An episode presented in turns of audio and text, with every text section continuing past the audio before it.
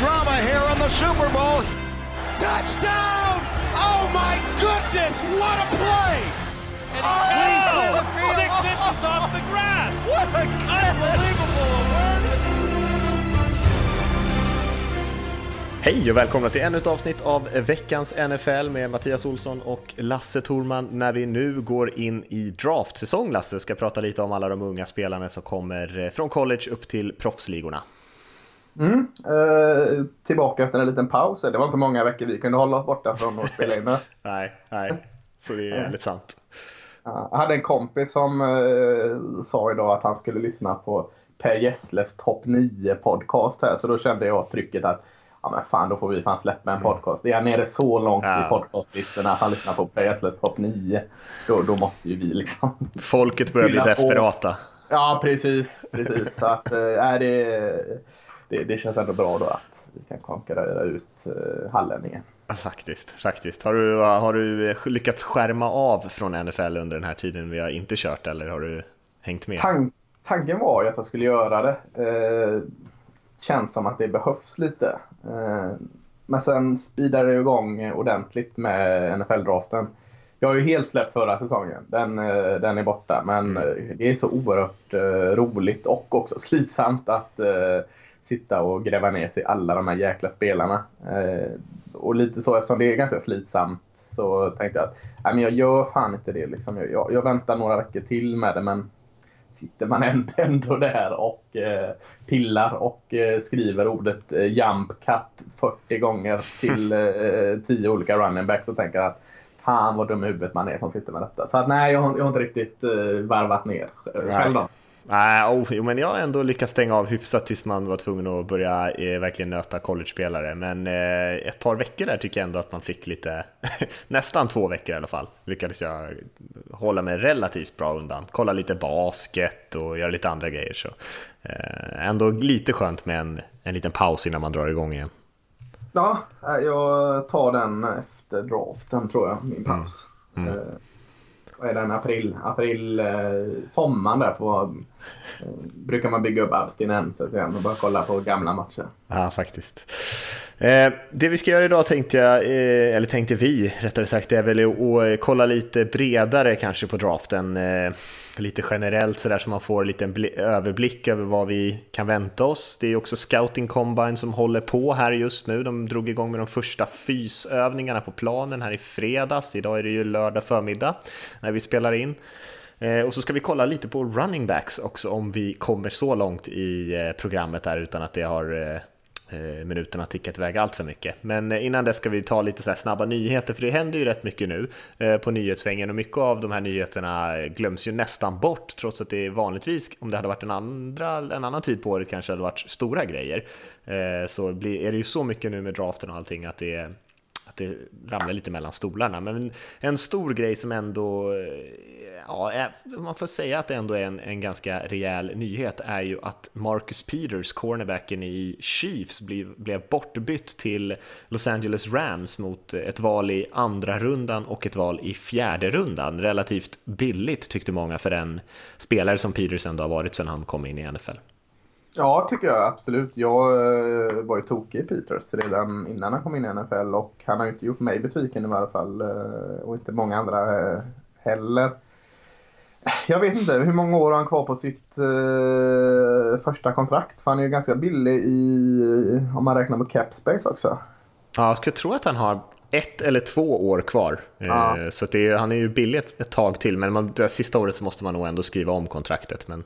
Ja, nej, jag, alltså, jag har pratat lite om sånt som vi vet extremt lite om. Att han inte kanske är två tummar upp i luften killen utanför planen och, och sådant. Men, men, men det, det, vet vi så lite om. Men, men ja, kollar man bara rent på uh, hur han har sett ut på planen så tycker jag uh, Rams har tre sådana här körsbär i rad på enarmad bandit när man, när man gör den här dealen. Alltså, jag tycker man uh, verkligen går vinnande ur detta. Ja, och jag skulle säga om vi säkert spolar tillbaka när du och jag satt och pratade om inför draften 2015 så var det väl precis de här grejerna som vi nu ser om Peters lite grann som gör att han säkert blir bortbytt som är hans issues lite grann. Han hade ju lite problem även i college med att bråkade med coacher eh, och blev eh, liksom avstängd från lag och såna här grejer. Sen var han eh, fantastisk även där, hade massor av turnovers i, i, Washington och han har ju varit precis den spelaren i NFL och det, man får ju känslan att Chiefs lite grann tröttnas på honom. Men, eh, mm. men Rams får ju en jättebra spelare här såklart. Skulle egentligen ha en hel podcast bara dedikerad åt eh, det här med problem utanför plan och vad, hur man ska tackla med det. Har man med en psykolog då eller om man ska liksom eh, gräva djupare i detta? För att, fan, vad, hur, vart går gränsen vad eh, man tar med problem utanför plan och inte problem utanför plan? Hur mycket ställer det till Hur lite ställer det till Hur mycket ska man väga in? Alltså, det varit ganska intressant att, att djupdyka i det. Vi, vi är ju, skulle antagligen vara bedrövliga i det men fasken eh, liksom hur mycket, hur mycket ställer det till det för ett lag om man är lite stökig utanför plan? Ja, och det finns ju många, så det är också en fin linje där på, alltså en spelare som Peters till exempel som inte direkt har Alltså han har inte blivit arresterad för något brott direkt, utan han är ju snarare omogen, eh, tappar humöret, bråkar med folk och gör lite dumma grejer, säger emot coacher, den typen av grejer. Eh, ja. och den typen av attityd, det är ändå en balans liksom. Ska man spela co cornerback i NFL är ju eh, säkert en väldigt psykiskt påfrestande sak att göra och man måste nog vara lite kaxig, lite knäpp, halvknäpp i alla fall. Ja, eh, man vill ju ha attityd liksom. Ja. På, eh, så hur mycket ska man släppa, hur mycket ska man ta, hur mycket, hur mycket försämrar det hans lagkamrater att han är sån? Alltså, det hade varit ganska spännande att höra eh, någon djupdyka in i eh, verkligen olika grader av problem utanför plan. För att eh, det summeras ju ofta väldigt kort och gott. Liksom. Ah, han ställer till utanför plan. Mm. Punkt. punkt. Mm. Hopp. Uh, nej, uh, men, men uh, på plan i alla fall med Marcus Peters så känns Rams som ett mycket, mycket bättre lag.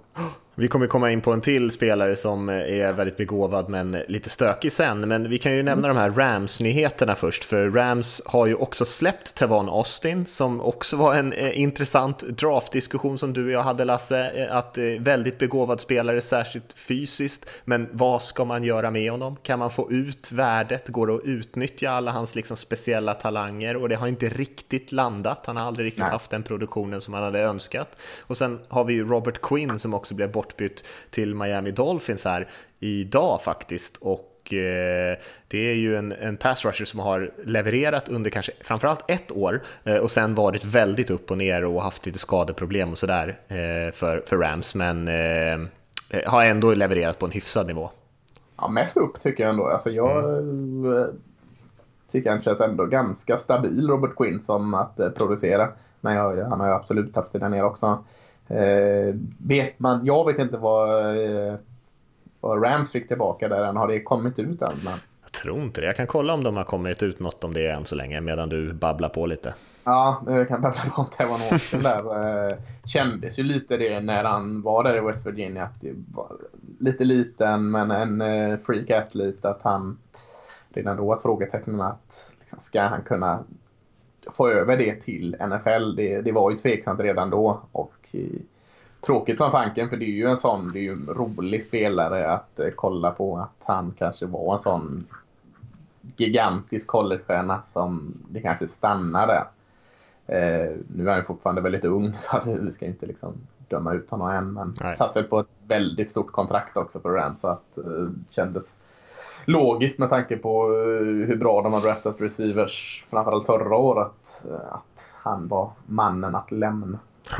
De fick eh, troligtvis blir det ett val i tredje eller fjärde rundan för Quinn. Så eh, inte så mycket okay. betalt för en 27-årig pass rusher. Eh, får man ändå säga, som en, en, för inte så många år sedan ändå ledde hela ligan i saxen. Jag tror han är 19 eller 19,5 sack på en säsong. Eh, men sen har han inte levererat på den nivån sen dess. Så att, eh, men ändå, det finns ju en, en, eh, skulle kunna bli succé för Dolphins. Absolut.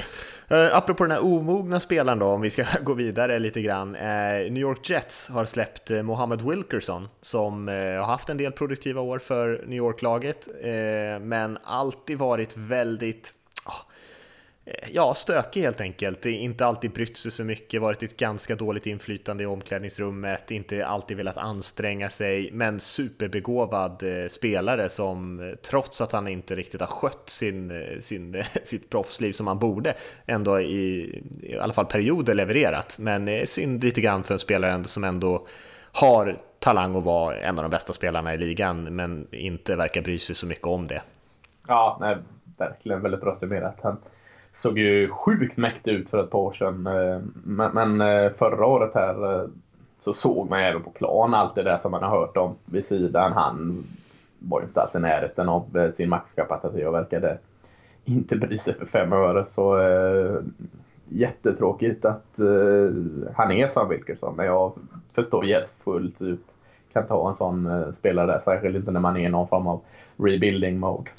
Nej, och det är inte många kvar från den här gamla Jets defensiva linjen som spelade där med Rex Ryan och, och, och gänget med Sheldon Richardson och, och eh, de spelarna. Eh, utan nu är ju hela den linjen egentligen borta. Eh, och det är kanske inte så konstigt. Lite orolig att Jerry Jones eh, ser Wilkerson. ja, kan de få honom att vara motiverad igen så ser jag, Nej, kan det, säkert bra det är väl tveksamt att han kan det liksom, men, men, det känns väldigt mycket Dallas Cowboys under Jerry Jones att eh, nej, men vi, vi chansar på han där liksom, utan att ha något kött på benen och så blir det någon ny, eh, vad hette han där eh, som kom in från Carolina? Eh, Just Hardy. precis. Ja, ah, ja. Nej, vi se, om vi, om vi switchar över till en spelare som kanske är motsatsen till de här lite mer omogna då, eh, som kommer varje dag till jobbet och, och har levererat i många, många år, eh, aldrig riktigt kanske fått den cred som han förtjänar. Matt Forte, eh, runningbacken, eh, går i pension, hade ju en jättebra karriär, eh, framförallt kanske här på, med Bears på, på eh, slutet. Ja, lätt att tycka om, som du säger. Eh, ger allt laget först kille. Eh, Eh, var jättebra. Jag tycker alltså, han var ju elit i ett par år där med Bears och var en av uh, top running backsen i ligan. Och tycker han fick väldigt mycket cred när han var där i Bears. Mm. Uh, kändes väl lite som att uh, han gick från toppen till rotationsbackup lite väl snabbt bara tyvärr. Men, men ja, man kommer ihåg han i Bears, då var ju förbaskat bra. Ja, jag sitter bara och kollar igenom hans stats här lite grann och han har ju fyra raka säsonger där med Chicago. Eh, nej, egentligen fem raka säsonger då han har cirka 1000 yards eller mer och i, på, i springspelet och minst 340 hela vägen upp till 800 yards i, i receiving mm. eh, samtidigt. Så här, 2014 hade han ju där 1800 yards från scrimmage, han hade 1900 yards från scrimmage 2013. Eh, ja, så fortsätter det sådär. Så att det är extremt produktivt får man ändå ja, säga. Och en, av, en väldigt tidig typ av running back som bidrog i alla delar av spelet. Mm, nej, jag håller med. Han är en stor spelare som slutar. Eh, vi har också lite, lite som händer där i, Vikings där man undrar hur ska de hantera den här QB-situationen där de sitter med Teddy Bridgewater som har en, haft en väldigt, väldigt allvarlig skada. Man vet inte riktigt hur han kommer att återhämta sig. Case Keenum som gjorde den här succésäsongen för Minnesota i år eh, och såklart Sam Bradford som även han haft lite skadeproblem i sin karriär men som har spelat väldigt bra för Vikings när han har spelat och det verkar som att man kommer satta, sätta sina ägg i Sam Bradford-korgen och att eh, Bridgewater och Keenum kommer nå free agency och troligtvis signa någon annanstans.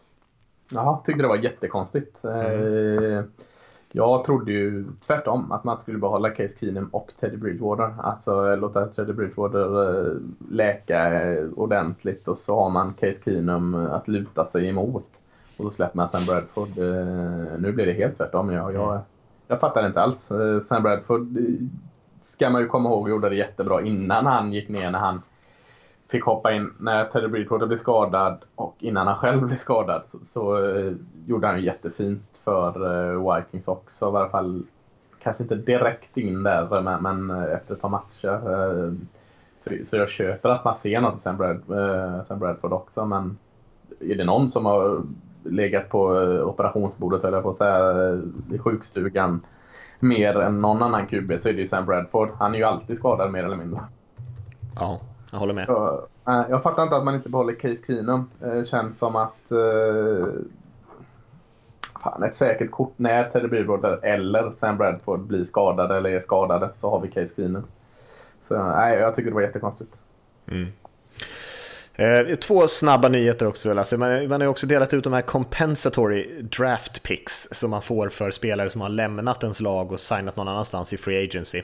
Eh, det kan ju vara värt att hålla koll på. Jag tror att det är 32 val som har delats ut, allt från tredje ner till sjunde rundan och eh, framförallt kanske Bengals, eh, ditt Cowboys, eh, Packers och Raiders som har alla fått fyra var av de valen och sen har vi Cardinals och Texans som har tre. Så det är väl de lagen som har dragit till sig de allra hetaste valen i, i den här compens compensatory poolen som man delar ut draftval för. Så det kan man ju hålla koll på att det kommit lite extra draftval där till ett par lag förbaskat svårt att fatta eh, när man får det, vilken runda och vilken. Alltså det, ja, jag vet inte hur det funkar. Jag försökte en gång att uh, sätta mig ner, nu ska jag läsa detta. Liksom. Nu, ska, nu ska jag förstå det. det. Det gick inte. Jag förstår varför man får. Men uh, jag kan inte förstå vart de här valen placeras in. Det, Eh, Eh, jag vet inte om de bara lägger det någon stor tombola eh, uppe vid NFL headquarter och drar för att eh, jag, jag vet inte hur det, hur det väljs om man får en i tredje eller fjärde eller fjärde eller tredje. Ja, nej, det, det är någon form av grund, grundtanke om att de, ju större kontrakt liksom de har signat eh, och desto mer värde har man förlorat. Så antar jag att man drar av lite grann för spelare som man själv har signat och sen så, ja, det är någon konstig formel de har där. Men, ja, men så, så kom jag också fram med, så hade jag eh, två äpplen liksom som var samma position, samma eh, ja. draftval, samma lön, samma produktivitet, tredje och femte runda. Ja. Så då, då går vi upp liksom. Jag, jag bara accepterar. ja. Ja, nej, eh, jag, jag, vet, jag vet inte, faktiskt inte exakt hur de räknar ut det. Men det, eh, men det är någonting med liksom värdet som han har förlorat mm. i alla fall. Sen om de räknar Absolut, ut det värdet, det. det är ju eh, det är lite underligt. En sista nyhet kan vi också nämna att Dallas Cowboys ska vara med på All or Nothing, mm. som är som en Hard Knocks-variant fast den utspelar sig under själva säsongen. Jag tycker nästan det är mer intressant än Hard Knocks faktiskt. Mm. Det ska bli kul att se dem komma in lite grann i, i Jerry World där och, och se vad som händer. Men, men det var väl eh, den gångna säsongen där var redan? Precis, precis. Ja, det, vi vet ju redan att det blir någonting där liksom. ja, resultatet vet vi av säsongen. Men kanske får man lära sig lite mer om eh, vad som händer innanför cowboysväggarna. Ja, det är sant. Ja.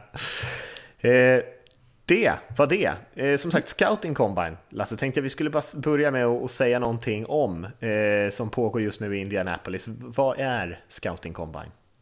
Kan jag säga allra först att eh, det rullar ju eh, hela tiden nu på NFL Network. Eh, så ni som har Game Pass kan ju gå in och kolla det. Det är live större delen av tidig eftermiddag till sen natt. Och så kommer det ju hela tiden dygnet runt egentligen eh, summeringar. Och eh, jag vet att ganska många har ju någon form av Viasat eller vad det nu är. Då har man ju den här NFL Network-kanalen i sitt kanalutbud där. Så eh, har ni kanske stängt av säsongen liksom och tänker att nu är inte jag inne på Game Pass eller eh, NFL Network så mycket. Så, så kan ni ju gå in och se allt detta för Combine eh, rullar på bra fart där nu. Eh, så, så, det kan vara värt att veta. Men ja, det är ju alltså en... Jag säger alltid att det är en, en någon form av boskapsmarknad liksom. Alltså kreatursaktion. Fast för collegespelare. Eh, de eh, mäter, väger, eh, låter dem springa, hoppa, allting förutom att tackla egentligen. Så kan de bryta ner det i oändliga statistik och formlar, scouter och, och se vad, vad, vad det är man ska drafta. Mm. Och eh, så är det, det i kombination med det kanske också någon typ av firmafest för, för ligan. Eh, alla coacher, scouter, general managers eh, och alla möjliga människor som hänger runt den här ligan kommer till Indianapolis, en ganska liten stad ändå med en kärna där man ändå kan promenera omkring. Det finns inte jättemånga hotspots att besöka, alla är på samma ställen och man till och med eh, festa lite grann tillsammans och, och eh, utbyter lite rykten, kanske till och med snacka lite trades och sådana där grejer. Så att eh, det pågår liksom vid sidan om alla de här fystesterna och intervjuerna som, som händer på dagarna. Ja, det är ju kort. Det är ju, det är en, en väldigt massa olika fyser som ska lyfta tungt, hoppa högt och springa snabbt som sagt. Och så, och så har du ju eh, det som man inte ser så mycket på när du sitter och kollar. Det är de här intervjuerna de har och eh, olika testen. Alltså, eh, jag vet inte om man kan kalla det någon form av fotbolls-IQ-test eh, och rena intervjuer där du som Seattle Seahawks eh, general manager kan välja att eh, ta dig ett snack med en offensiv linjeman och se vad han tänker och tycker. Det får man inte se så mycket men, men så det, är egentligen tvådelat ur, ur den aspekten. Ja, och det är lite löpande band över det. Jag såg att ja. Baker Mayfield hade nio intervjuer igår kväll efter, efter liksom han hade gjort alla andra saker han skulle göra. Med, det var 15 minuter styck med, med nio olika lag. Eh, och det är nog inte alls ovanligt, vissa säkert ännu fler än så. Eh, så det är verkligen, eh, det kom ju ut en film förra året, eller ett klipp rättare sagt, som Eagles släppte när Carson Wentz gjorde sin intervju med, på Combine med, med Philadelphia. Och han var ju väldigt imponerande till att börja med, annars hade de ju inte släppt den filmen. Men han kommer liksom in där med en ryggsäck, slänger av sig ryggsäcken, sätter sig ner och två sekunder senare så har de ställt någon fråga om något liksom, spel som de har ritat upp där på eller om de har någon skärm och någon TV. Så får han liksom analysera vad som händer, vad är det för defensiva coverages och sådana här grejer. Eh, och sen är det bara pang, pang, pang, pang, pang, ut så var han klar. och sen och det, nästa, och det, till nästa det lag. Själv, ja, det är ju självklart medvetet också. De, de tänker ju inte liksom vagga in honom i det, man blir ju inte invaggad i NFL. Nej. Han ska mer eller mindre innan han har stängt dörren kunna eh, analysera vad han ser på tavlan. Liksom. Ja. Ge han inte chansen att sitta och tänka. Eh, så det händer mycket där, eh, mycket mm. information på kort tid och även för oss som inte ska välja några spelare i draften så det, kan det ju vara kul att hänga med. Det sitter ju Mike Mayock där, draftgurun på NFL.com och Rich Eisen och kör liksom de här 8-10 timmars sändningarna varje dag där vi får se sprintar och bänkpressar och andra typer av tester.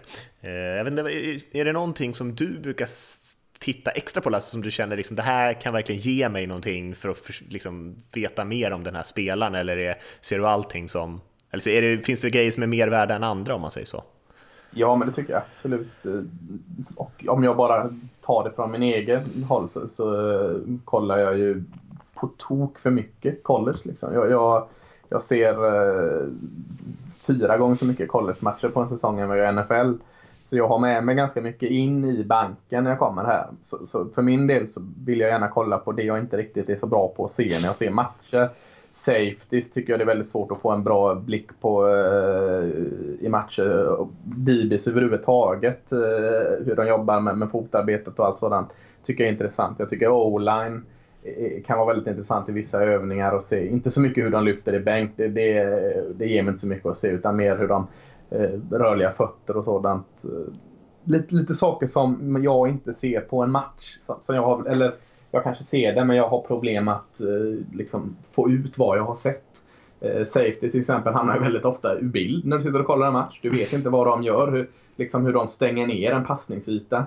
Det kanske de har gjort jättefint, har du ingen aning om som tittare om de har gjort. Du kan se väldigt enkelt om man gör en pick eller en jättefin tackling när den kommer in på blitz. Men allt det där andra tycker jag man kan få lite svar av när man ser på en combine. Mm.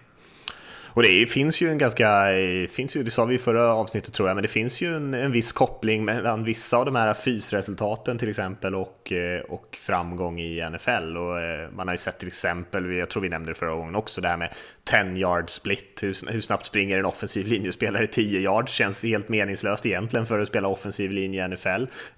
Men det säger någonting om deras liksom explosivitet, liksom atletiska förmåga ändå. Samma sak med, brukar man ju kolla på de här de springer mellan lite olika koner, three cone drills och såna här grejer. Eh, för typ linebackers brukar vara en ganska värd grej. Ja, så det finns ju en hel del grejer som är så särskilt intressant för olika positioner och det får man ju försöka klura ut lite själv, alternativt lyssna lite på de här experterna som sitter där. Eh, men om, om vi ska hoppa lite till några spelare kanske som du tycker är lite extra intressant att se, Lasse. Eh, är det några som du känner så här, den här spelaren har någonting att bevisa eller det här undrar jag lite om?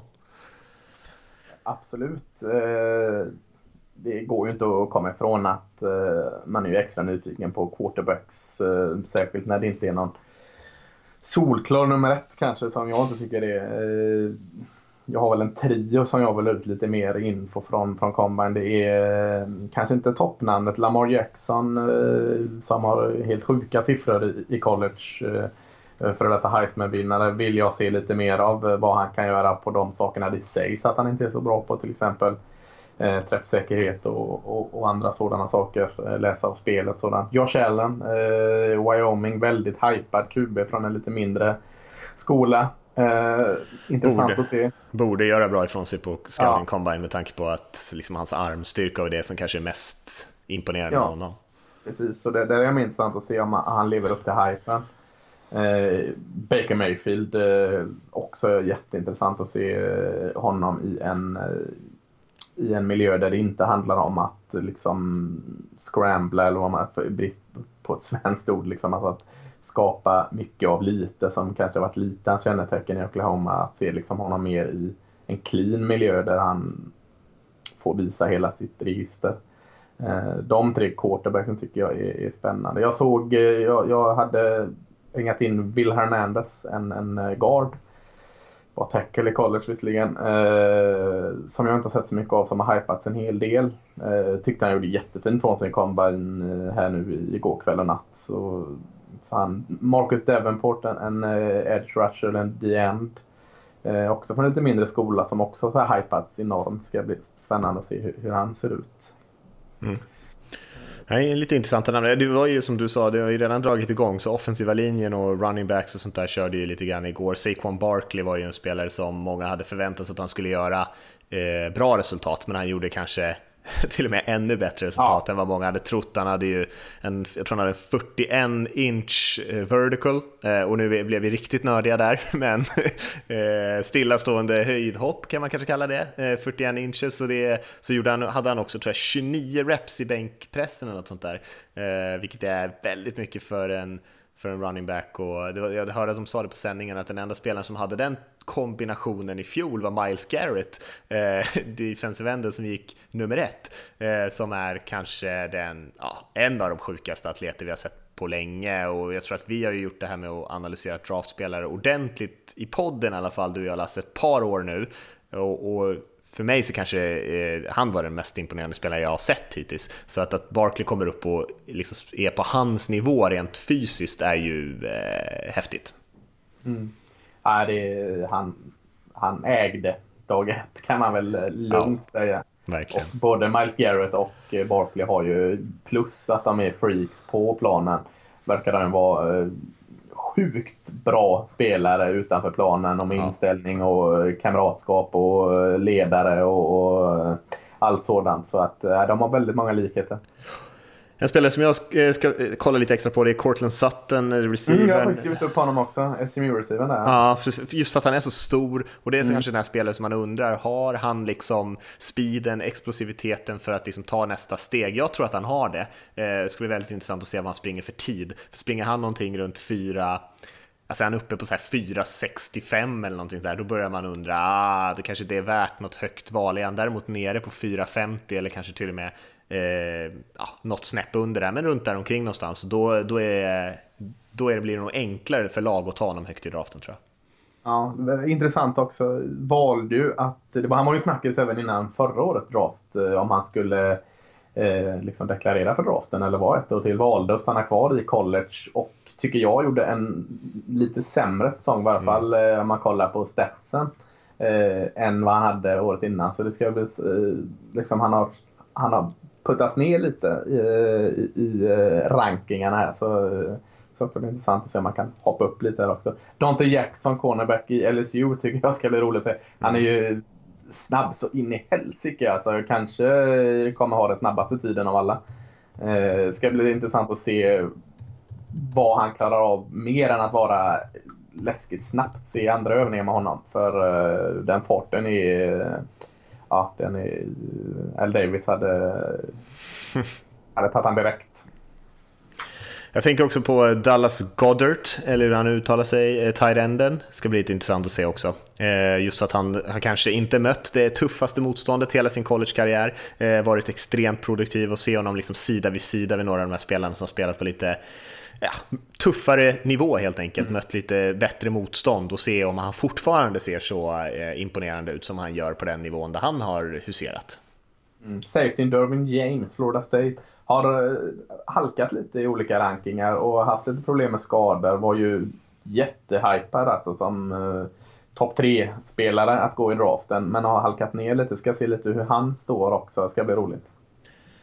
Om vi ska eh, växla lite Lasse, kolla lite mm. breda penseldrag på draften som helhet, för de flesta kanske inte hört så mycket om den än. Vi hoppas ju att många ska hänga med här i den här podden när vi förhoppningsvis inte bara ska droppa namn så att folk blir totalt förvirrade, utan försöka ändå göra så att folk får med sig lite, lite vet lite mer om de här spelarna helt enkelt. Vad, vad ser du i den här draften om vi liksom ska verkligen eh, gå, ja vad heter det, satellitperspektiv på den här? Ja, eh, det är ju svårt att säga om det är eh, alltså en bra draft eller en dålig draft eller en, en mellandraft här. Det, det ser man ju först efter ett par år. Men, men eh, direkt så, så känner jag att det är inte... Eh, ja, eh, de två senaste draften tycker jag har varit mer spännande namn än i år. Med lite undantag, Saquon Barkley. Och så är det ju det som, som kanske är mest intressant i draften tycker jag är att den här QB, du har en två två en QB-situation. Alltså du pratar Josh Allen, Sam Darnold, eller Sam Darnold, eh, Josh Rosen, Josh Allen, Baker Mayfield och så vad har man Lamar Jackson och så har du några andra lite spännande eh, QB som har poppat upp. Så, så det är en ganska intressant QB-draft. Jag säger inte att det är fem framtida Hall of Fame-QBs men eh, det är en intressant QB-draft.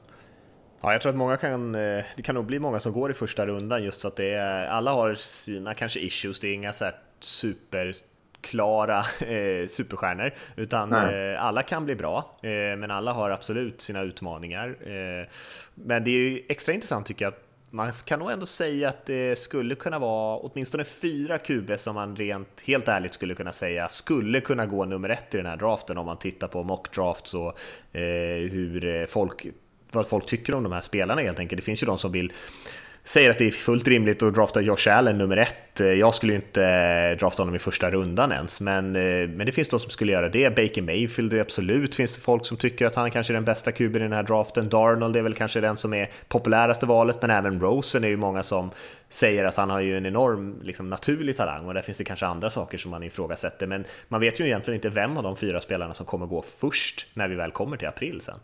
Nej tycker också, vi har ju pratat om det både kring draften och även eh, under andra podcast, att eh, det har kommit in eh, väldigt många riktigt eh, duktiga pass rusher, defensive end, edge rusher, vad man vill kalla det. Mm. Kanske lite svagare, alltså på pappret här innan. Vi har Bradley Chubb som är kanske någon utmålad etta där och så den här lite doldisen Marcus Davenport som det på att viskas om lite lite kanske att den har gått ner. Du har inte de här uh, Miles Garrett som vi pratar om eller uh, som har rullat in liksom på löpande band, de här tok-passrusherna. Eh, rusherna. uh, saknas lite. Och fortfarande tyvärr kanske ännu mer år. Du har ingen, ingen given offensiv tackle. Alltså en left tackle som du bara kan putta in och så är du sett på tio år. Jag ser ingen sådan i draften. Jag har en guard som är jag håller kanske högst i hela draften. Men left tackle är något speciellt och tyvärr saknas den i årets draft. Ja, eh, jag tycker det finns några offensiva tackles som är intressanta som jag säkert Absolut. kommer ha någonstans där i första rundan. Men jag såg Todd McShay till exempel på ESPN, han sa att han inte hade en, ett första rundebetyg på någon offensiv tackle i den här draften. Eh, och det vet jag inte hur länge sedan det var Nej, eh, men det, det säger lite också. Ja. Eh, allt som oftast brukar man ju peta in Det kommer ju en offensive tackle topp 10 liksom. Ja, eh, kanske inte alltid att det är rätt att han ska gå, men, men eftersom det är en så viktig position, left tackle, så blir det att man, man reachar lite och tar sin offensive tackle där. I år kan jag verkligen inte se att en offensive tackle ska tas topp 10 och säga att ah, men jag, jag köper det, att de, de reachar lite för det är ett behov. Eh, det är en jävla reach om du ska gå upp och ta en offside tackle topp 10 alltså. Eh, en guard topp 10 kanske inte lika stort behov. Men där, där kommer vi nog se, jag är ganska övertygad om att vi kommer se en guard i Quentin Nelson topp 10, men ingen tackle. Så det, det är lite udligt. Mm. Och senast vi hade den situationen så gick det ju sådär när det var lite guard ja, som... Warmack och, eh, och han som var Jonathan Cooper va? Precis. Som var där. Och de, ingen av dem rosade ju marknaden direkt. Nej, alltså de kanske inte har varit katastrof, i alla fall inte Warmack, men eh, jag vet inte, de har ju definitivt inte varit värda det höga valet i alla fall. Nej. Men det säger ju lite, det är kanske därför också de här, några av de här quarterbacksen pushas upp lite grann, för det, om det inte finns några säkra val på de andra positionerna, då blir det helt plötsligt helt okej okay att göra en liten chansning på någon av quarterbacks. Jag tycker en annan intressant sak med den här draften, och det har egentligen inte så mycket med draftklassen att göra, det är att det är väldigt många traditionellt bra lag som draftar väldigt högt i år. Jag skulle ändå kunna säga att fem av de topp tio är lag som vi brukar se runt slutspelet. Vi har Giants, Broncos, Colts och alla de tre draftar topp fem. Eh, lag som kanske inte är vana att vara så där högt upp, i alla fall inte senaste åren och det har ju lite med lackskada, eh, Giant totala kollaps i år och såklart Broncos att de saknar just en quarterback. Eh, så det gör ju att det är säkert ännu mer på den här QP-hetsen att nå de här lagen som eh, äntligen har chansen att liksom välja sin, eh, antingen en efterträdare eller en spelare som, ja, som man vanligtvis inte har chansen att nå. Att de kommer upp så högt upp om du får säga, alltså det säkraste valet oavsett position, oavsett nid, alltså om du, du vet verkligen vad du får i den här spelaren i första rundan, här, säg topp 15. Vad, är det säkraste valet om du ska välja topp 15? Oj, oj, oj. Han kommer inte göra dig besviken liksom. Du, du, du pluggar in han, du vet exakt vad du får. Jag har ju en eh. solklar, liksom, det, det, det finns inte en chans. Jag, jag kan eh, byta lag eh, om det nu skulle vara så, om inte han liksom sätter det. Ja, alltså vi har pratat om dem kanske, alltså jag skulle inte ta en guard sådär högt, men Nelson mm. är ju som sagt ett ganska säkert val tror jag. Men sen är det Barkley såklart, Saquon Barkley som känns som ett tryggt val, men det är, även där kan man diskutera är det värt att ta en running back och då kanske man helt plötsligt landar på Chubb, en spelare som ändå spelar en position som är värd mer än eh, några av de andra kan jag tycka. Eh, svårt att få tag i riktigt speciella pass rushers, så eftersom han är relativt ensam tycker jag som ett cleant prospect där uppe så, eh, så blir det kanske han. Jag tycker du säger alla tre spelarna där som jag skulle vilja säga är säkra val. Det är mm. eh, Bradley Chubb, Dienden där från North Carolina State och Quintin Nelson, garden från Notre Dame och Saquon Barkley från Penn State. Det, det är de tre säkra valen hävdar jag. Mm. Mm. Ja, vad bra att jag prickade in alla tre då. Ja, det är fan vi synkade här alltså första avsnittet, det är bra. Eh, om, vi, om vi lämnar den här lite, eh, den här paraplyperspektivet där. Nu har jag hittat på många mm. olika, ord för det där. Men eh, eh, har du några tankar kring så här, så här tänker jag kring om jag hade draftats. Så jag hade inte valt den här positionen. Jag hade, det här är någonting som jag tycker är viktigt att göra eller inte göra. Så där om du hade varit general manager. Ja, eh, jag, jag, tror det är ganska farligt att gå in med, med alltså förstängda eh, skyddslappar eller vad det heter och, och vara väldigt konservativ i sina tankar. Liksom så att, nej, jag ska inte drafta en running back runda ett. Nej, jag ska, jag ska bara ta eh, best available player eller jag ska bara gå på needs. Jag tror det är farligt att inte gå in i en draft och vara öppen. Eh, så jag har väl inget sånt men men, men jag skulle vara lite extra varsam om eh, någon som överraskar alldeles för mycket på combine, kommer lite från ingenstans, kanske springer sin 40 enormt snabbt eh, och, och, kanske hoppar den här eh, jämfota hopp, höjdhoppen enormt högt eller bänkar enormt mycket. Eh, mm, tar vi upp L. Davis här igen, eh, före detta ägaren till eh, Oakland Raiders. Eh, Sånt han älskade att göra, liksom att gå bananas på en, en, eh, en eh, freak på kamban. Det skulle jag akta mig lite för att göra. Jag skulle eh, nog göra min läxa ordentligt på den och inte bara ta någon som råkade springa snabbt på 40 yards dash. Det är väl en sån sak. En annan intressant idé, jag tror du har varit inne på den lite mer än jag de sista åren, men i den mån det går. Det är alltså, alltid plocka en QB i någon av de fyra första rundorna. Oavsett mm. vad du redan har. Alltså alltid ta en QB där. Det är så pass värdefullt. Och, och, och säg nu att eh, vem sitter med en fantastisk QB-situation? Uh, Philadelphia Eagle med Carson Wentz. Fan, sitter du med ett val i tredje och det ligger någon där som du verkligen gillar, ta han då. Eh, tänk om Carson Wentz går ner. Du kan trada han som eh, Patriot tradar Jimmy Garoppolo. Det är, så, det är så mycket värde i en bra QB så att eh, ta en QB. Jag håller med dig. En annan diskussion är det här med running backs, deras värde. Eh, och jag är inte så benhård som många andra. Jag tycker så här, en bra spelare, eh, som du lite grann, en bra spelare, en bra spelare. Kan man få in en bra spelare så, är, så är, ska man nog vara nöjd med det. Men jag hade nog inte draftat en running back i första rundan som inte också på något sätt kan bidra i passningsspelet. Jag kanske lite, varit lite försiktig med att välja Fournette riktigt så högt som Jaguars draftade honom förra året till exempel. Just för att han är relativt eh, enformig i sitt spel, han kan fånga lite enklare passningar och sånt där. Eh, men kanske hellre satsa på en annan spelartyp där och i så fall ser jag ju mer värde i en Ezekiel Elliott till exempel som är lite mer involverad i den typen av spelet, eller Saquon Barkley i år som eh, har de här return-färdigheterna också, kan liksom bidra på många olika sätt. För jag tror bara den här släggan på running back-positionen eh, tror jag är svårt att få ut liksom, tillräckligt mycket värde ur.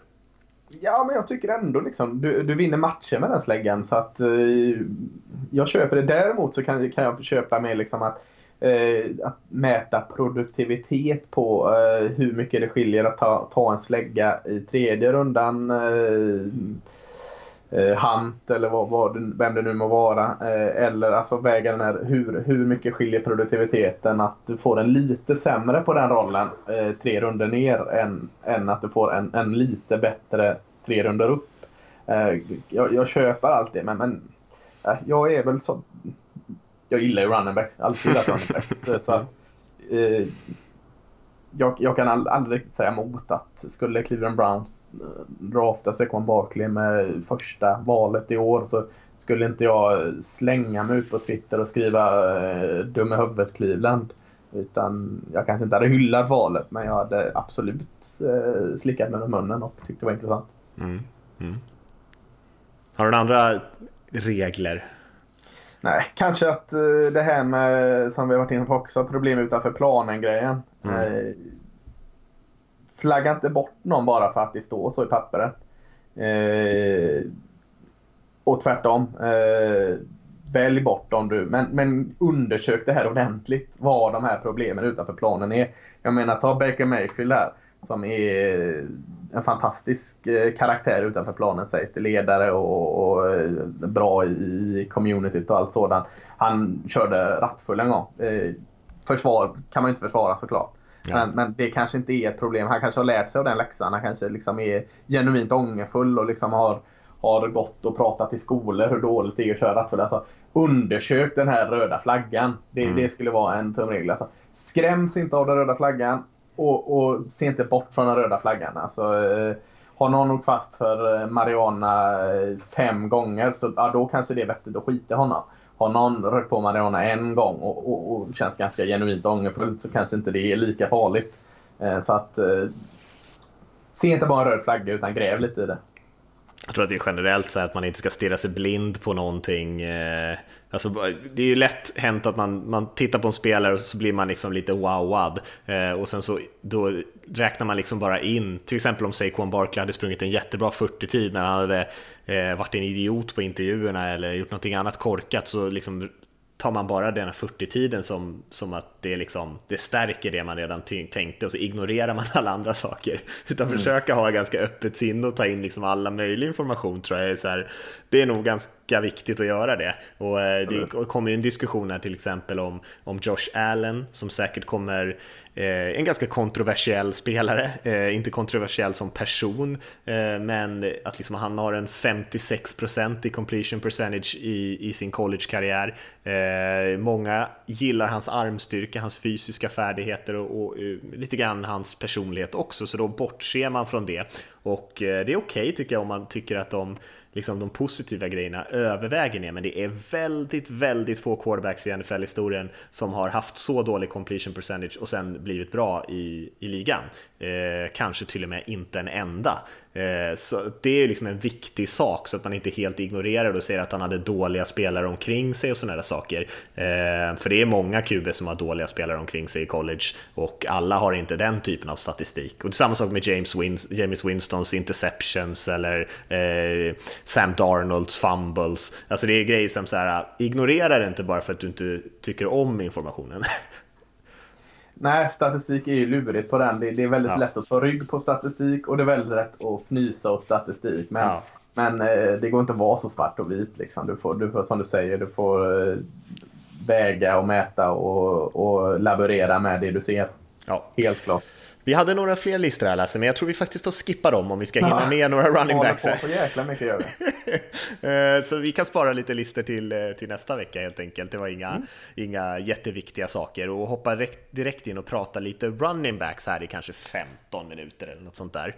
Mm. och Sa du det bara för att jag ska hålla mig lugn? Ja, precis. Det var både en påminnelse till dig och mig att vi inte ska prata i 45 minuter om running backs. Men, ja, okay. En ganska intressant grupp, kanske inte lika många toppnamn som vi hade förra året när vi hade både Fournette och Dalvin Cook och Mixon och vi hade också eh, Christian McCaffrey, Kamara var det många som gillade. I år är det ju Barkley och sen är det liksom ett gäng efter som är intressanta, många av dem, men kanske inte så klockrena prospects. Mm, ja, jag håller helt med dig. Det är en solklar etta, eh, Saquon Barkley. Han är etta på din lista och etta på min lista, vågar jag säga, med, med stor trygghet. Ja. Eh, först, båda vi hade Lennart Fournette etta förra året. Om du skulle lägga dem, alltså nu spelar de olika och allt sådant, men bara för att det är roligt lägga båda dem bredvid varandra i samma draft. Vem hade du tagit som nummer ett då? Barkley. Barkley. Eh, jag är inte lika säker, men, men jag hade nog eh, efter eh, en del funderande även också valt Barkley. Men, men jag är inte riktigt säker. Varför är Saquon Barkley så jäkla bra, nummer ett, och gjorde så jäkla bra på combine igår här? Berätta för oss. Ja, han är ju väldigt, väldigt eh, mångsidig. Han är ju bra på egentligen allting. Eh, han är både, man kan använda honom både som en passmottagare och som en, en ren rusher. Som sagt, han har varit returner också, så han är ju bra med bollen i händerna även efter mottagning eller när han kommer ut och får lite mer yta. Eh, spelar med en låg tyngdpunkt, väldigt svårtacklad, som gör att han har spelat en del power run games som kanske inte är sådär jättevanligt i college med alla spreadsystem.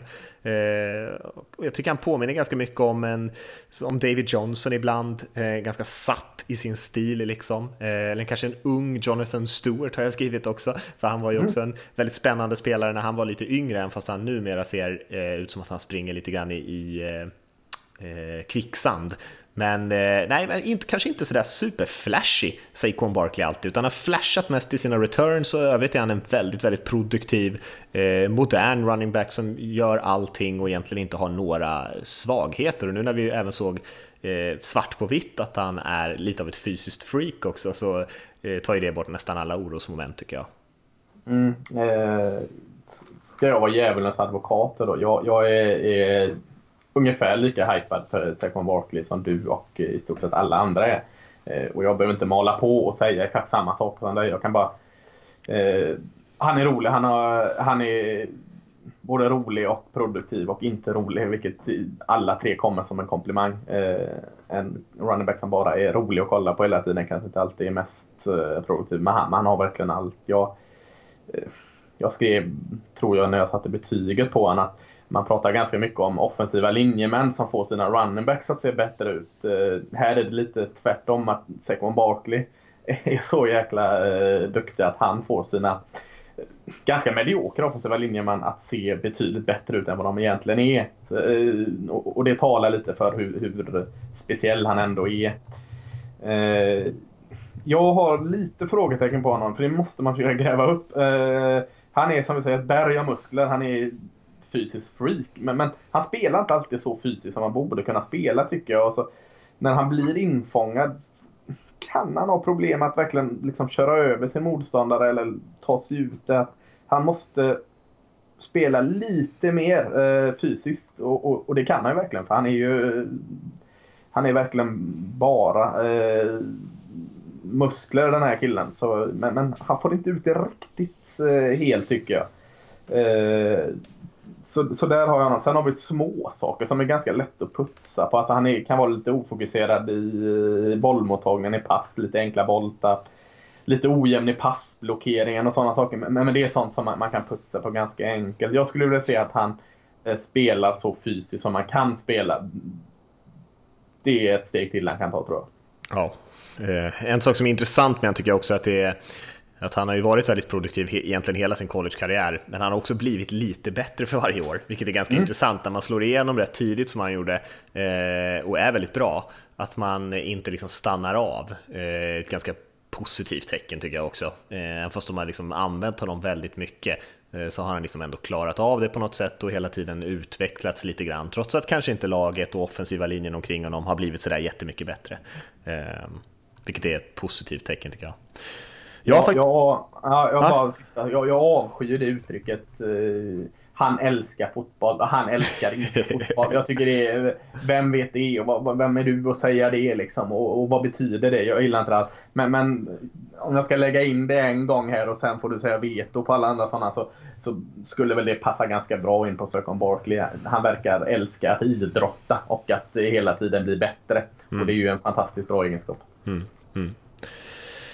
Eh, jag har faktiskt en ganska tydlig tvåa eh, ja. bland mina här, om vi ska sakta på någon typ av topp fem här till att börja med i alla fall. Mm. Och eh, det är Darius Juice från LSU som jag har ganska tydligt framför de andra eh, egentligen och eh, kom ju efter Fournette, vilket kanske inte är superenkelt eh, alla gånger och var ju jättebra året efter 2016 där och lite mindre effektiv här sitt sista år egentligen. Eh, och en väldigt fysisk running back, springer ju med en liksom väldigt våldsam stil egentligen.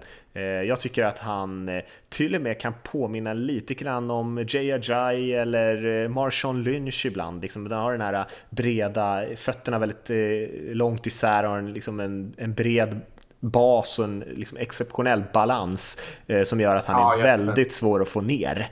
Bra kontroll, Ja, och, och så har han till det så har han, han är inte heller så det jätteflashig, men han har de här ändå kvicka, de här jump cutsen som du eh, pratade om i början där, att eh, han gör inte sådär jättemycket och det påminner väldigt mycket om Lynch tycker jag också där en underskattad del av Marshall Lynchs spel i hela hans karriär var väl egentligen att han fick det där fysiska, eh, alla bara att åh han är så fysisk, han springer över folk, det är allt han gör. Bara, det är inte riktigt sant med Lynch, för han var ju också väldigt bra på att få folk att missa honom totalt. Eh, och det gör även Juice tycker jag, att han har de där eh, kvicka kroppsfinterna som, eh, han kanske inte flyttar sig en meter i sidled, det är ingen som kommer flyga förbi och missa tacklingen 100%, men han gör den där kvicka finterna som gör att de inte riktigt får en bra träff på honom helt enkelt och så studsar han vidare och, ramlar framåt, precis som Jay Ajay gjorde i sin collegekarriär.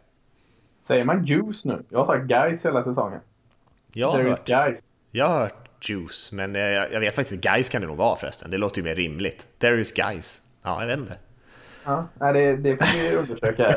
Jag, eh, jag, jag har ju faktiskt lite av eh, mandat på feluttal i den här podden. Så att, eh, ja, förlåt. Om, förlåt om jag var inne på din, eh, din eh, bana där. Om du sa juicer och det är guys, men, men det kommer la bita med röven att jag tog upp detta. Men, ja, jag, jag är med på det du säger. Jag håller den inte lika högt. Jag har han som nummer fem på min lista. Ganska jämnt eh, lista bakom Saquon Barkley.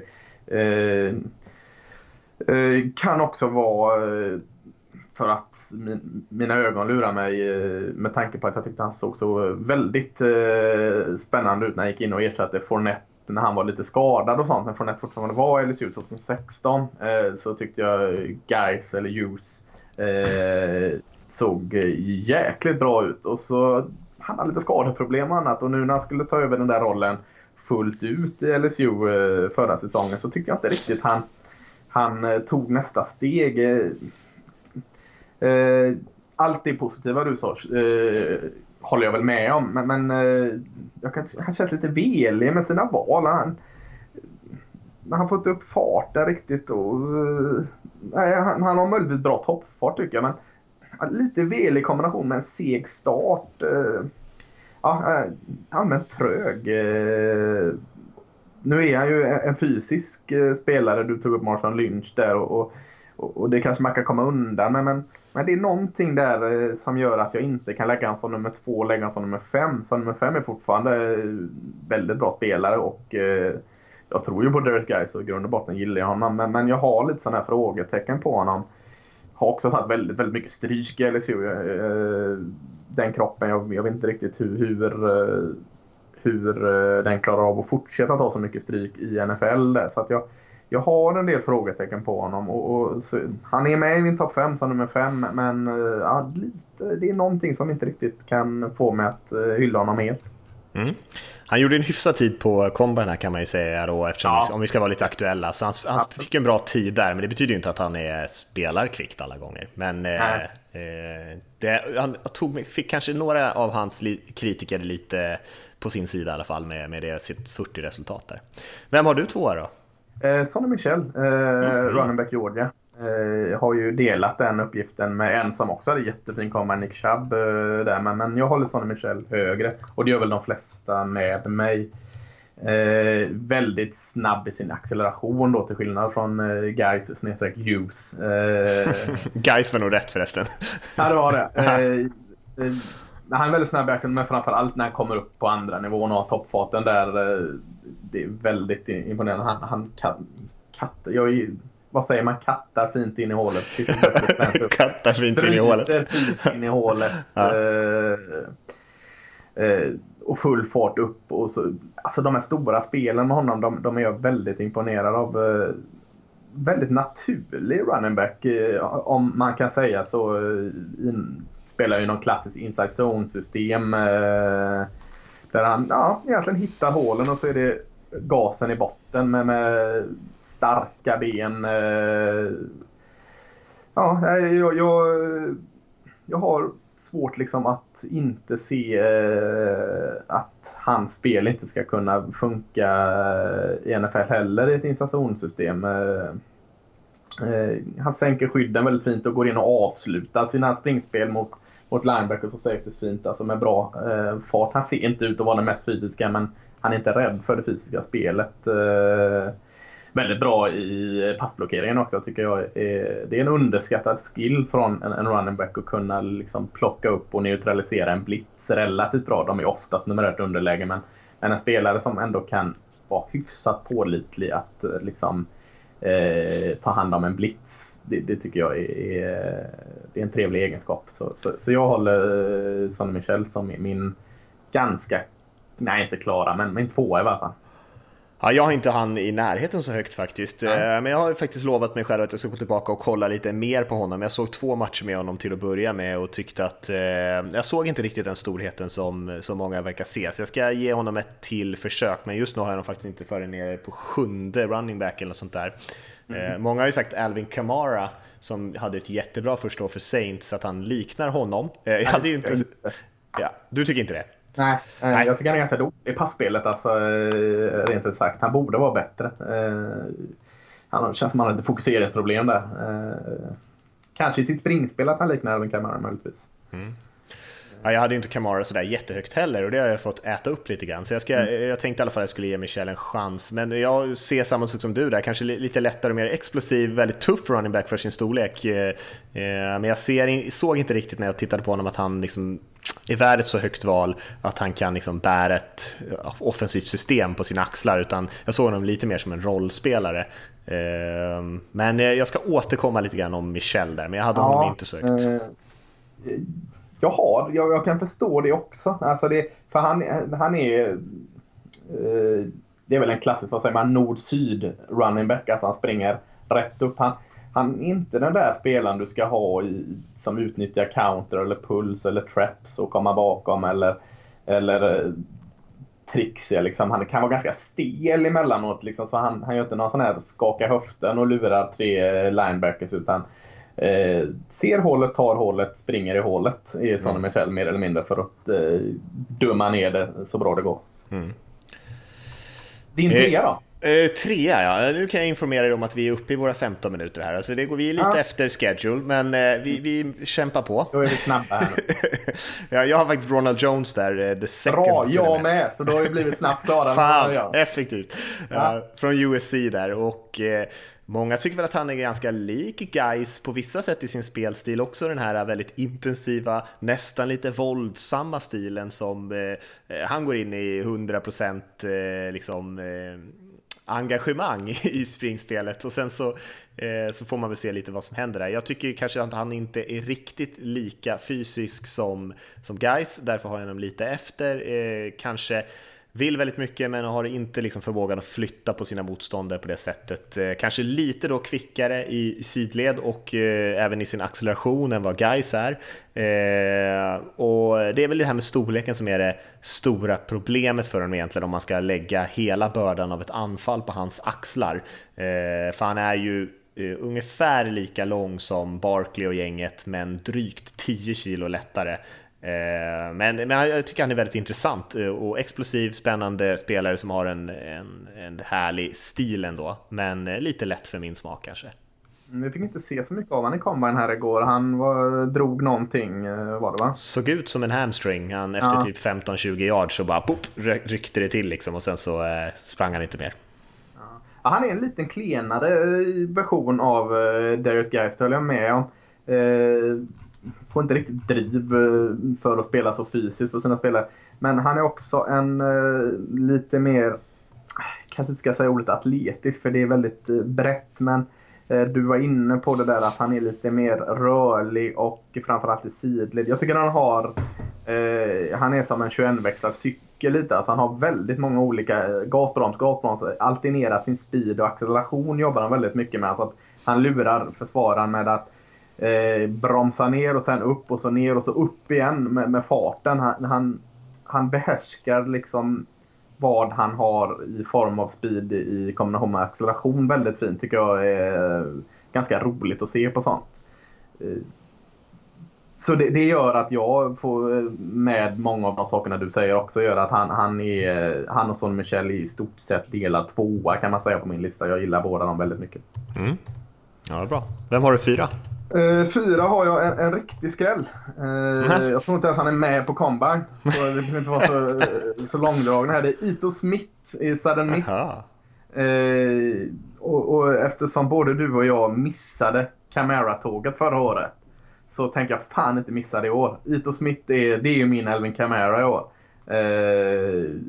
liten, han är, han är för liten i grund och botten för att, att vara en typisk NFL running back. Så det, det sänker ju betyget eh, mycket. Men, eh, men eh, det är i stort sett det enda jag har som är negativt mot honom. Han har väl varit väldigt produktiv. I, i, han har tre raka säsonger över 1000 yard på marken och har väl haft Matt Forte-siffror i passspelet. Så där kanske man kan få in lite Camara-referenser i det. Explosiv, bra balans. Och när han väl kommer upp i fart, när han har kommit igenom första hindret så går det ruggigt snabbt. Eh, bland de snyggaste jamcutsen jag har sett tror jag. Alltså, eh, oavsett om man inte gillar Ito Smith eller inte så kan det vara roligt att gå in och kolla lite highlight-klipp eh, på honom. För hans jumpcut är, ja, det är riktigt härligt att se.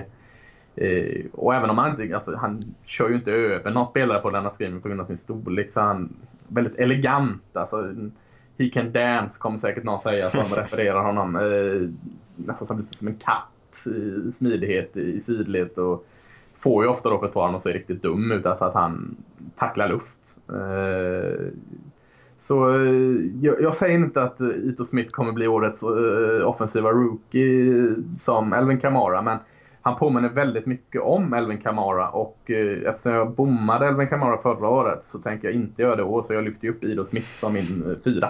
Mm. Intressant. Eh, nej, jag har faktiskt inte ens sett något av Ito Smith. Nej, det jag har inte kommit in på min topp 10 här av prioriterade spelare.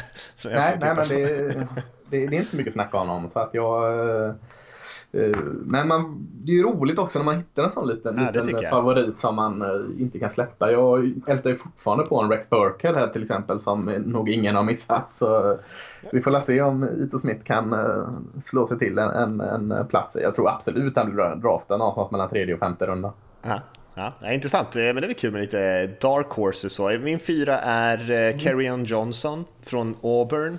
Eh, lite lurigt tycker jag, för det är klurigt ja. med Auburn och running backs. Eh, jag fattar fortfarande inte hur Trey Mason inte kunde bli en stjärna i NFL som jag tyckte väldigt mycket om eh, när han kom därifrån. Eh, Håller du med om, om eh, Levion Bell-jämföranden som många har gillat att göra med Kevin Johnson? Jag gör nog faktiskt det. Eh, sen om han är liksom på samma nivå som Levion Bell, det kan man ju diskutera såklart. Men eh, han har den här lite avvaktande stilen, väldigt hal, väldigt smooth. Jag har hört eh, att folk liksom liknar honom också med Arian Foster, som kanske har den mest eh, chilla stilen jag någonsin sett av en running back, liksom bara glider fram över nästan som han så här svävar ovanpå grässtråna. Eh, och lite så tycker jag man ser om Carrion Johnson också, att det, eh, han är inte så man förstår inte riktigt hur tacklarna hela tiden missar honom, men på något sätt så gör de det och han är precis som Levion Bell också väldigt bra på att använda sina armar, sin stiff arm för att slänga av sig tacklare och sen liksom lite så här lurigt kvick så att de aldrig riktigt får händerna på honom.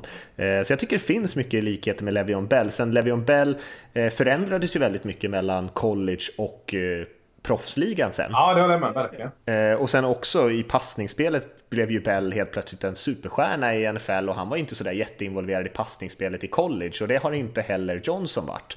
Eh, så det är väl någonting han måste bevisa, att han rent fysiskt kanske kan eh, spela på den fysiska nivå som Bell har gjort när han kom till ligan och sen även visa att han kan bidra i passningsspelet. Men jag tycker det är en spelare som är väldigt spännande med väldigt, väldigt högt tak, men kanske en bit efter toppnamnen just nu hade en jättefin combine här igår kväll, Karen Jansson. Såg mm. väldigt bra ut. Uh, jag, jag har nog han lite för lågt än vad jag egentligen tycker. Jag har han rankat som nummer 9. Det är jämnt där mellan 3 och 9. Det är inte så mycket som skiljer. Men uh, jag köper mycket av det du säger också. Jag tycker han, spelar väldigt tufft också. Och uh, ger verkligen allt för laget. Liksom. Laget före jaget-kille känns det som explosiv med snabba fötter och allt detta. Kan kännas lite stel ibland bara. Han borde inte vara stel när man ser på honom, men, men jag tycker han känns lite stel ibland. Eh. Kan vara den här lite upprätta stilen. Ja, han springer väldigt upprätt. Eh, nästan farligt upprätt. För mm. Han är ju, hans kropp gör ju honom till en, liksom en måltavla. Så, så han får ganska många tuffa jävla smällar för att han, han springer farligt. Alltså mer för sin egen hälsa. Eh, och det kan vara en kombination av det att han ser lite stel ut. Men, men eh, ja, just hans kombination där av eh, axpumpande fötter och, och, att han verkligen ska ta sig igenom eh, tycker jag gör att eh, han, han är helt klart intressant. Jag ska nog se en, en runda två på Karen Johnson också, särskilt med hur fint han presterar på combine här nu i, igår. Och du hade guys på femman där va? Så att, ja, eh, jag kan ju ta min femma då. Var inte Johnson i femma? Han var min fyra. Jaha, åh fan. Jag har eh, Nick Chubb som femma. Ja, eh, härligt. Från Georgia och det betyder ju att jag har honom före Sonny Michel med ja, ganska bred marginal än så länge då. Ja. Eh, men det kanske blir en liten extra titt på honom. Intressant spelare framförallt, har ju varit extremt produktiv i sin collegekarriär. En av de mest produktiva running backsen i college-historien tror jag. Jag tror att han har slagit rekordet i SEC tror jag för karriär-yards. Jag kan bara flika in att jag har faktiskt som sexa, så vi har han ja, men då är det så. egentligen på samma. Eh, intressant, eh, hans, eh, hela hans eh, familjehistorik är väldigt spännande. Nu är vi uppe i en timme och sju minuter här, men det kan ändå vara värt en liten avstickare tycker jag. Han har, ju, han har ju massor av släktingar som har spelat i NFL. Farsan har ju spelat i NFL en stund för Patriots på 80-talet och sen har vi också Bradley Chubb eh, som vi ska prata om, pass rushen, eller redan har pratat om lite grann. Och även en annan brorsa som också har spelat i Lions tror jag. Eh, och eh, en, en lite skojig grej är ju att hans gammelfarfar eh, var med och grundade staden Shubtown i, i Georgia. Som är liksom en koloni för före detta slavar för väldigt länge sedan som till och med utropade någon typ av själv, eh, självständighet. Eh, väldigt intressant historia. Oh, det var en sån grej som alla jävla Georgia-matcher jag såg älskade kommentatorerna och ah, de tog upp det. jävla Shubtown. Ja, det, när du påminner mig om det nu, alltså att jag glömt det är ju en, ett under man hört typ i fyra år nu om den här jävla Shabta. Ja, jag kan tänka mig det. Ja, så både de att familjen då har en egen stad och nu kanske de då får ha sin fjärde, tredje och fjärde då spelare i NFL i, på liksom två generationer är ju lite intressant. Men i övrigt väldigt klassisk typ av running back. Kanske inte den här moderna stilen som gör att han skulle hamna jättehögt upp. Eh, ja, faktiskt en spelare som jag höjde eh, hans betyg lite grann efter hans combine eh, framträdanden här där han också var väldigt imponerande. För jag mm. hade lite frågetecken kring hans tak egentligen, för att han är ju annars en väldigt tålmodig, liksom pålitlig running back. Eh, eh, lite, också den här lite sökande stilen, väldigt bra blick för spelet, eh, gör nästan allting bra. Eh, också speed för de här långa highlight-spelen. Jag tyckte han såg lite Alfred Morris-aktig ut. Eh, ja. med, här, med de här fystesterna visar att han kanske har lite mer eh, att ge, lite högre tak än eh, vad jag först trodde. Så jag höjde hans betyg lite grann som gjorde att han faktiskt poppade upp där från sjätte till femte. Jag tycker det är kul. Han, alltså, först ska jag säga det att det har blivit lite så här snackis av alla experter att det är ju väldigt många som har Sonny Michel före Nick Chubb. Mm. Och då har det blivit lite sån här konstig reaktion att bara för att folk lyfter upp Sonny Michel har det automatiskt blivit att man har petat ner ja, Nick Chubb. Ja. Man har typ försökt separera de två. Alltså, jag lyfter upp eh, Sonny Michel men jag tänker absolut inte peta ner Nick Chubb. Jag gillar verkligen det jag ser honom. Så att bara för att jag håller Sonny Michel högre så behöver inte det betyda att eh, Nick Chubb är en sämre running back alltså, än vad han är. Mm. Så att jag tycker det har blivit lite skevt där när man har på något sätt tvingats välja sida mellan Sonny Michel och Nick Chubb eh, bara för att man kommer från samma universitet. Så jag tycker man kan gott lyfta upp den ena men man behöver absolut inte per automatik peta ner den andra på grund av det. Så att jag, jag håller båda bara. Jag, tycker, jag gillar hur lågt och tufft han springer. Han, han springer väldigt lågt och jag, jag är extra svag för runnerback som är, är låga i sin springspel. Eh, jag hade en jättestor eh, orosmoment som lättade lite efter comeback här. Eh, för det, han har haft ganska stora problem med skador och tyckte jag märkt lite i hans explosivitet att han inte riktigt har fått tillbaka den han hade innan han var skadad när han var väldigt explosiv. Men såg eh, betydligt mer explosiv ut på, på det lilla jag såg av honom komban här igår. Så att eh, jag kanske nog också får gå upp och, och, och puppa upp honom att eh, ett par betygssnäpp här efter komban. För eh, det, det var ett stort frågetecken. Jag säger inte att det har blivit ett utropstecken men jag känner mig lite tryggare i alla fall. Ja, det kanske gjorde bra med några veckors vila. Som sagt, han ja. har fått väldigt mycket, väldigt tung arbetsbörda. Även fast han har delat med Michel eh, så har han ju haft mycket att göra där i Georgia. Mm, absolut. Det finns framförallt två spelare till som jag tycker att vi kan lyfta. Så jag säger några ord om varje så får du bara fylla i sen. Ja. Och den ena tycker jag är Royce Freeman från Oregon som jag tycker är värd att lyfta. Eh, som har varit extremt produktiv där i många, många år. eh, ganska svårt att utvärdera running backs tycker jag i Pac-12. Eh, ganska stora ytor, inte så jättemycket kontakt. Som sagt, vi pratade om det med spread-system och sånt tidigare. Ganska mycket sånt också. Eh, så det är inte jättemycket power kanske han har sprungit. Eh, han är ganska fysisk ändå i och för sig. Eh, men eh, som sagt, fått mycket yards som kanske var ganska billiga eh, och kommer säkert behöva anpassa sig lite grann eh, för proffsligan. Har ett högt tak tycker jag, men också en, en ganska rejäl eh, flopprisk om man får säga så. Eh, och sen den andra spelaren som jag tycker man ska säga någonting om är Rashad Penny eh, som har spelat för San Diego State mot lite enklare motstånd där. Eh, ja, och bara det att han har snittat liksom 7,5 yards per försök minst de två senaste åren och över det till och med eh, säger ju lite grann kanske om hur springspelet fungerar där jämfört med hur det funkar i, i NFL. Eh, en vad spännande historia med en kille som har kommit liksom från ovanlig doldis till att bara varit så otroligt bra att eh, det inte går att ignorera honom. Han hade ju över 2000 rushing yards här 2017 på, och de spelar väl bara 12 matcher där, jag vet inte om mm. de räknar in slutspelet också. Eh, kanske lite mer Kanske lite mer TJ Yeldon-stil på honom, eh, kanske den här tredje down running backen, men ändå eh, ja, så mycket produktion att det inte går att bortse från honom. Eh, jag har sett väldigt lite San Diego State eh, i förra året. 2016 eh, hade han den andra som var lika jäkla hypad nästan som Rashad Penny som gick väl till Eagles va? Vad hette han? Mm. Jag har redan glömt. Det var inte Corey Clement men det... Fan vad snabbt man glömmer. Jag kan kolla. Ja, de hade, ja, de hade en hel uppsjö med running backs där och, och San Diego State som också hade massa rekord. Eh, tror han valdes av Eagles, jag är inte säker.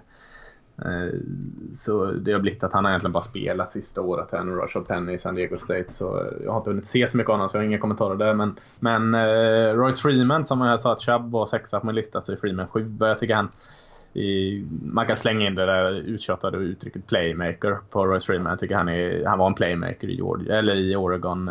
Fin kombination med storlek och muskler tillsammans med bra fart, balans och fotarbete vilket gör honom väldigt intressant.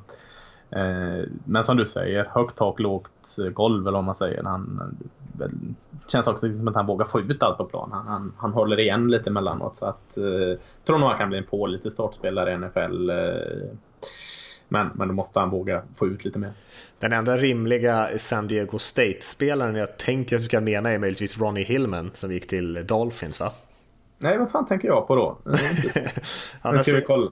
Vad- vad- det här är riktigt bra live podcasting. Ja, men det, det här kommer snart. För att Eagles Eh, depth chart har vi upp Gavin här. Escobar, Bryce Butler, det är inga running Vem är backs. det jag tänker på då? Jag Nej, tänker på Donald Alex Pumphrey. Barrett är väl inte running back va? Nej, Donald Pumphrey var ju San Diego State. Va? Jag hittar inte honom här. Nej, Donald vet. Pumphrey. Ja. Wikipedia vet du, inte uppdaterat. Ja, Donald Pumphrey, exakt likadan. Hade hur många jäkla rekord som helst och, och draftades av eh, San Diego, eller av eh, Eagles. Eh, och har väl... Han har inte gjort så mycket nej. Nej. Marshall Så, Falk är därifrån, det visste jag inte. Ja, där ser ser running back you. Får man lära sig något. Men, men eh, därav att Russell Penny har egentligen bara en säsong eh, i San Diego State. Men den här säsongen som var eh, som starter. Och jag har inte sett så mycket San Diego State förra året. Så jag, och inte så mycket film på honom. Så jag, jag, vågar, jag ska inte uttala mig om honom Men, Men, men de verkar ha producerat väldigt bra running backs. Uppenbarligen. Eh, ska vi knyta ihop säcken där på running backsen? Ja, men det gör vi väl. Eh, vi är redan över tiden här. eh. Ja, med, med 20 minuter. Ja, det- det kan vi göra. jag kan ge min topp 5 så får du ge din topp 5 sen då direkt Ja. efter så gör vi en liten sammanfattning här. Och jag har Barkley eh, från Penn State, Darius Juice från LSU, Ronald Jones från USC, Carrion Johnson från Auburn och Nick Chubb från Georgia i min topp 5 där. Härligt att du vägrar släppa till guys och säger Mm. ljus. Ja, just det, sa jag det igen. Ja, vad fint att jag, jag är produktiv för den skull. Eh, Jag har samma etta, Saquon Barkley, Penn State. Tvåa, Sonny Michel, Georgia. Trea, Ronald Jones, USC.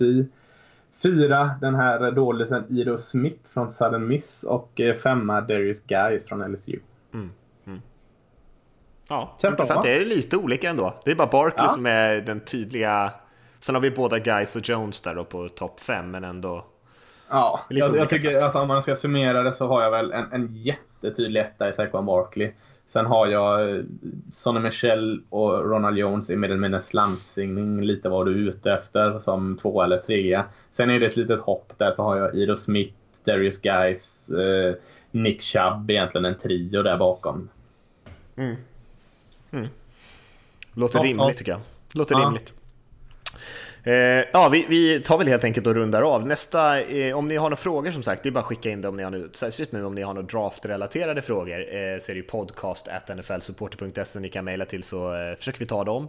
Eh, jag gissar Lasse, eh, bara för att jag framförallt har hunnit med den offensiva sidan, att vi kanske håller oss lite på den här de kommande veckorna. Så jag hinner ifatt lite grann, du ligger ju några steg före mig som vanligt. Eh, så att, eh, vi får se vad vi landar i nästa vecka, men troligtvis någonting på den offensiva sidan av bollen. Det känns väl vettigt. Ja, men eh, gå in och kolla lite combine. Det brukar vara kul att hänga med ett tag, eh, tills man tröttnar i alla fall. Eh, om man tycker att det blir för enformigt med 72 stycken 40 yards sprintar i rad. Eh, men ofta ganska bra information ändå. Så eh, säger vi så för den här veckan och så hörs vi igen i nästa vecka helt enkelt. Ja, en sak till. Vi, måste ju, Aha. vi sitter ju här och, och sliter som djur. Du och jag och lite andra folk i redaktionen och eh, lägger in spelarbetyg och, och eh, motiveringar på NFL-supporter. Eh, om alla spelarna här. Eh, ja, vi är över 100 spelare redan nu. Vi när- närmar oss 200 spelare. Eh, så, så gå in och kika på den på nflsupporter.se. På sajten någonting. Så jag vet då- inte om den ligger, ligger överst på sajten eller inte, men den ligger på nflsupport.se. Oerhört intressant. Jag, jag som är med och sitter och skriver, den sitter ändå och läser för jag tycker det är så intressant. Så där får ni en jättebra eh, överblick på draften. Ja, och det borde vi såklart sagt mycket tidigare, men eh, vi får påminna om det i varje podcast tycker jag. Men där hittar man ju såklart våran liksom, eh, gemensamma ranking av alla spelare och sen också uppdelat på position och så, så man får ju väldigt snabbt en överblick av eh, hur det ser ut eh, och vilka spelare som känns extra intressanta och då kan man också gå in och trycka på namnen och, och läsa analyserna eh, så man vet vad vi tycker om dem.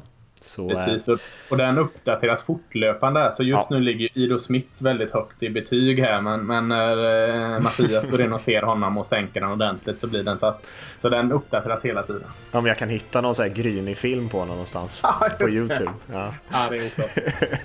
ja, nej, men eh, gå in där och läs och eh, kolla gärna spelarna själva och lämna lite feedback till oss. Återkom vad ni tycker om det är någonting vi ska ta upp och sådär. Men annars eh, säger vi så för den här eh, veckan så hörs vi, hörs vi nästa vecka.